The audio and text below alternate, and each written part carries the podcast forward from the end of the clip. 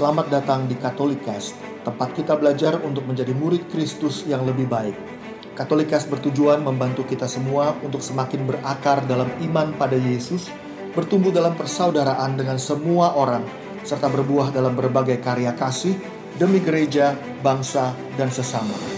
Katolikas berisi cerita kesaksian dan refleksi hidup sebagai pengikut Kristus, katekese iman yang relevan dan praktis untuk hidup sehari-hari, serta dialog topik-topik kekinian dengan berbagai narasumber untuk memperkaya hidup iman kita semuanya. Selamat mendengarkan, Tuhan memberkati.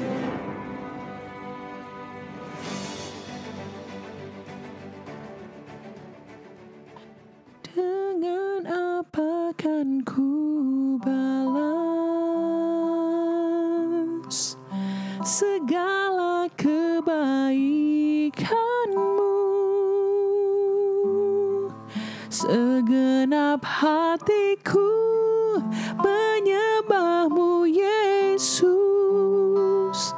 Ku bersyukur padamu selamanya. Yes. Selamat malam, Shalom. Apa kabar kita semua, para pendengar Katolikas yang dikasihi dan mengasihi Tuhan kita Yesus Kristus?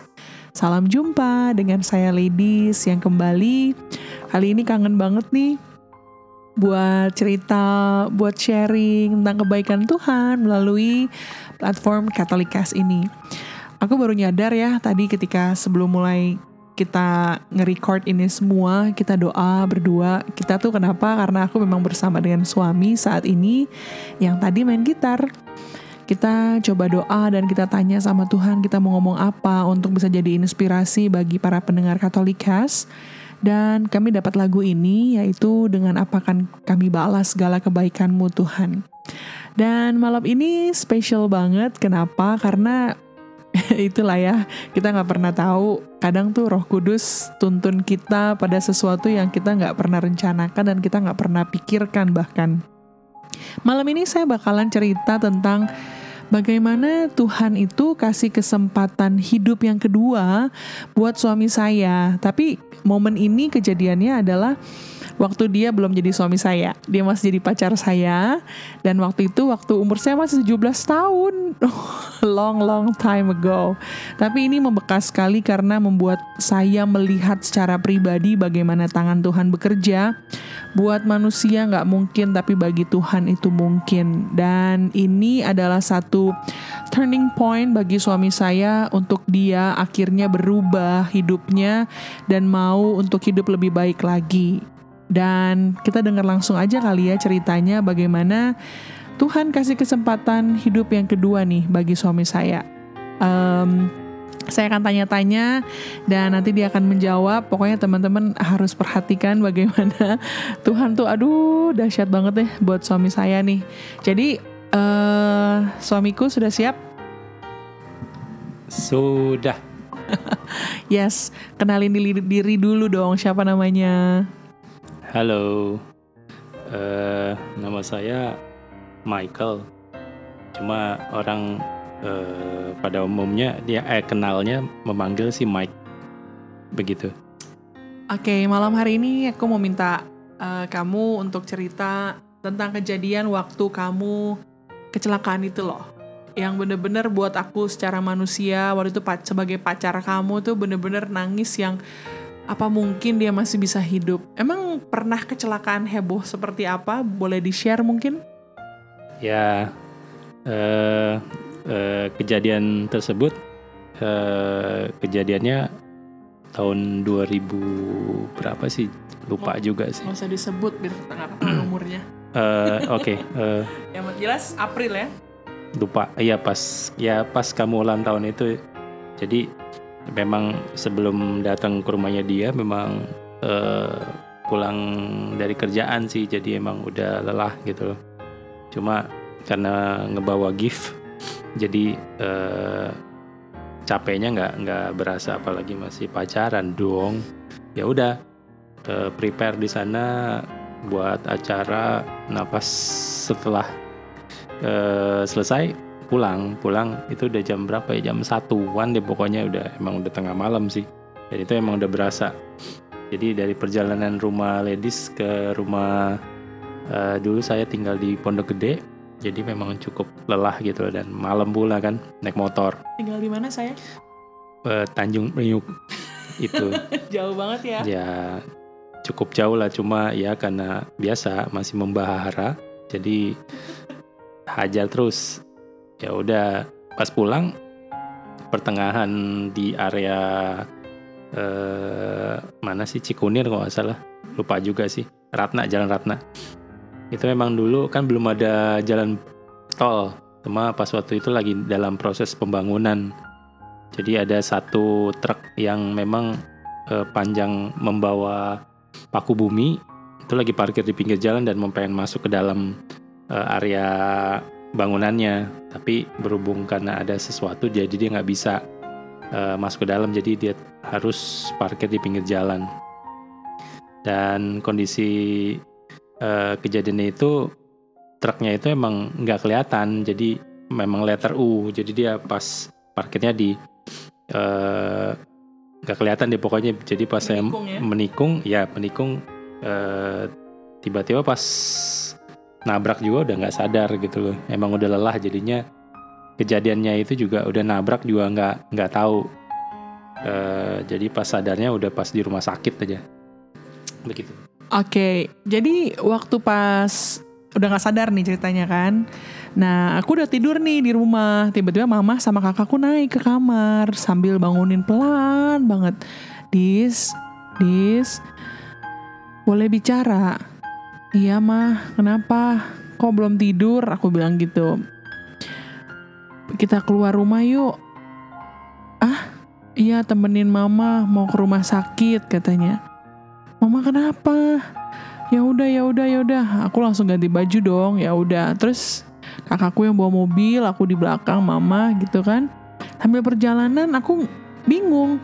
Kita rumah di Tanjung Priuk kenapa mulai naik tol nih ceritanya? Terus aku bertanya kenapa jauh banget ke rumah sakitnya? Kenapa nggak yang daerah Priuk atau at least ke Gading gitu? Ini udah naik tol gitu kan. Terus mamaku sampai yang kayak enggak mama ada satu dokter yang khusus mama udah janjian oh gitu. Ya udah uh, kita ke sana.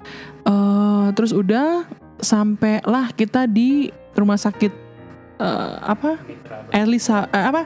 Mitra. Oke, okay, kita sampai di rumah sakit Mitra dan aku dikasih tahu akhirnya sama mama sama kakakku bahwa Michael kecelakaan. Di situ aku yang oh Tuhan, udah tapi kan masih dalam kondisi aku ngantuk berat itu subuh jatuhnya. Karena kan ternyata Michael pas aku dengar dari cerita orang-orang dia itu lumayan lama ditolong. Karena di jalan situ kan udah sepi banget dan puji Tuhan banget. Ada satu bapak ya yang dia naik mobil dia lewat situ itu aku yakin sih itu bener-bener malaikat banget ya malaikat Tuhan banget yang dikirim. Kalau dia nggak ada aku nggak tahu gimana nasib suamiku sekarang. Eh waktu itu maksudnya jadi dianterin lah sama bapak itu ke rumah sakit Mitra dan langsung dibawa ke UGD dan saya menemui Michael waktu itu udah di UGD dalam kondisi yang papa mamanya udah nangis, kakak-kakaknya udah nangis karena kondisi Mike tuh udah bener-bener yang yang saya nggak percaya. Saya ngelihat dia tuh saya nggak bisa nangis gitu di depan dia karena buat saya nggak kelihatan ada apa-apa. Asli dari ujung kepala sampai ujung kaki tuh nggak ada yang berdarah sedikit pun. Dan ternyata setelah saya dikasih tahu ternyata dia luka dalam. Karena yang tadi dia cerita paku buminya itu kalian kebayangkan paku bumi beton yang buat nyanggah jadi pilarnya jalan tol ditabrak sama dia. Dan ternyata itu tepat mengenai bagian dadanya. Dan ternyata itu menyebabkan lebam dan pendarahan di hatinya That's why malam hari itu di, di, dibilang sama dokter dia harus operasi besar untuk menutup luka di hatinya dan melihat ada kondisi apa yang yang yang menjadi uh, akibat dari kecelakaan tersebut. Dan akhirnya dia masuk ruang operasi, kami hanya menunggu di luar berdoa. Itu akhirnya sampai ah, apa ya dari gelap sampai hari udah mulai terang dan puji Tuhan Operasi berjalan dengan sangat baik, berjam-jam kami menunggu dan yes, suami saya dipulihkan. Dia memperoleh itu sampai aku tuh, aduh Tuhan, itu bener-bener ya kecelakaan itu tuh buat aku. Dia langsung uh, turun berat badan banget karena emang bener-bener drop kondisinya ya saat itu dalam proses pemulihannya. Kepalanya juga kamu waktu itu dibotakin ya. Aku nggak tahu deh apa mungkin karena diperiksa kanan kiri apa ada yang luka. Waktu itu pokoknya aku nggak gitu banyak involve karena mungkin kakaknya sama papanya berusaha untuk supaya aku nggak terlalu khawatir kali ya. Tapi yang jelas dari situ aku ngeliat ya secara manusia saat itu aku masih jadi statusnya masih pacar gitu yang emang dia bilang tadi seperti Mike cerita masih kita masih bener-bener membara banget gitu ya. Jadi memang aku memang udah takut banget kehilangan dia dan bagi aku tuh itu adalah mujizat Tuhan bahwa Tuhan menyelamatkan dia dari kecelakaan yang Kalian bisa bayangin gak sih kalau gak ada si bapak yang mengendarai mobil yang dan mau? Itu kayak bener-bener orang Samaria yang ditolong tuh yang kayak aduh aku gak kebayang deh. Kalaupun bapak itu pakai mobil dan dia nggak mau tolong kan bisa aja gitu. Dan ini dia mau nolong kayak oh Lord gitu loh. Itu bener-bener kebaikan Tuhan. Dan uh, waktu habis kejadian itu aku inget banget dia langsung diajak sama pupuku buat sharing di satu uh, persekutuan doa muda-mudi untuk menceritakan bagaimana yes Tuhan kasih kesempatan buat kita loh untuk uh, terkadang kalau emang belum waktunya ya kita belum belum disuruh check out dari dunia ini karena memang masih banyak banget hal yang mesti kita lakuin masih banyak perkara yang harus kita sebarluaskan buat kita menginspirasikan apa yang Tuhan sudah kerjakan dalam hidup kita. Yes seperti malam hari ini um, suami saya bukan tipikal orang yang uh, cerewet kayak saya gitu istilahnya. Bisa ngobrol panjang tapi karena ini mungkin gak tetap muka dengan banyak orang sekali lagi ini platform yang sangat memberkati buat kami berdua. Dan malam hari ini satu hal yang mau saya dan suami saya katakan adalah Seringkali kita diberikan kesempatan kedua, ketiga, dan keempat oleh Tuhan untuk Tuhan mau pakai hidup kita lebih lagi buat jadi berkat bagi banyak orang. Jadi kalau sekarang kita ada di fase di mana hidup kita merasa begitu, ada di fase mungkin atau di level 0, 1, 2, 3, dan kita rindu kita ada di level 100, 1000, 10 ribu seperti sebelum pandemi ini terjadi, teruslah jangan pernah menyerah untuk berdoa kepada Tuhan dan kita akan melihat akan banyak perkara yang Tuhan singkapkan ketika kita mampu lolos dari setiap ujian yang Tuhan berikan kepada kita saat ini. Untuk kita tetap bersyukur waktu kita di posisi sekarang. Dan nanti ketika kita lepas dari semua ini ketika kita sudah mengalami kemenangan atas ujian ini kita pun mampu lebih bersyukur lagi dan menceritakannya kepada banyak orang bahwa ya aku hidup memang untuk jadi saksi Kristus. Hidup ini adalah kesempatan, jangan kita sia-siain untuk kita mau mulai melayani Tuhan. Gak usah dari hal yang besar-besar, tapi lakukanlah hal yang kecil dengan cinta yang besar. Terima kasih Tuhan, dan pakailah hidup kami. Hidup ini adalah kesempatan hidup ini untuk melayani Tuhan. Jangan sia-siakan waktu yang Tuhan beri. Hidup ini hanya sementara.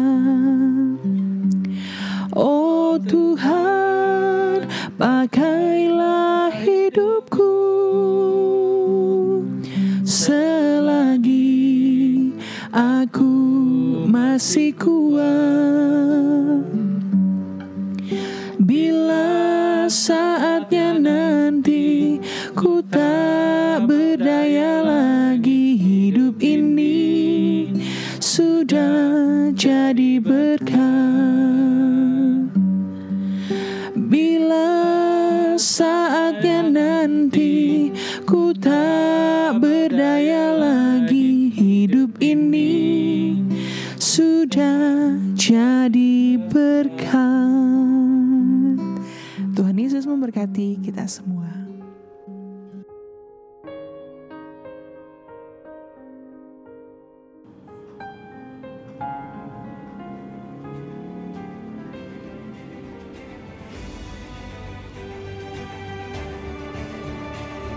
Terima kasih telah mendengarkan podcast ini. Jangan lupa untuk berbagi Katolikas kepada para sahabat dan kenalan kita, supaya semakin banyak orang mengenal kabar gembira Tuhan Yesus dan mengalami kasihnya yang memulihkan, menguatkan, dan memberkati. Sampai jumpa di episode Katolikas yang lain.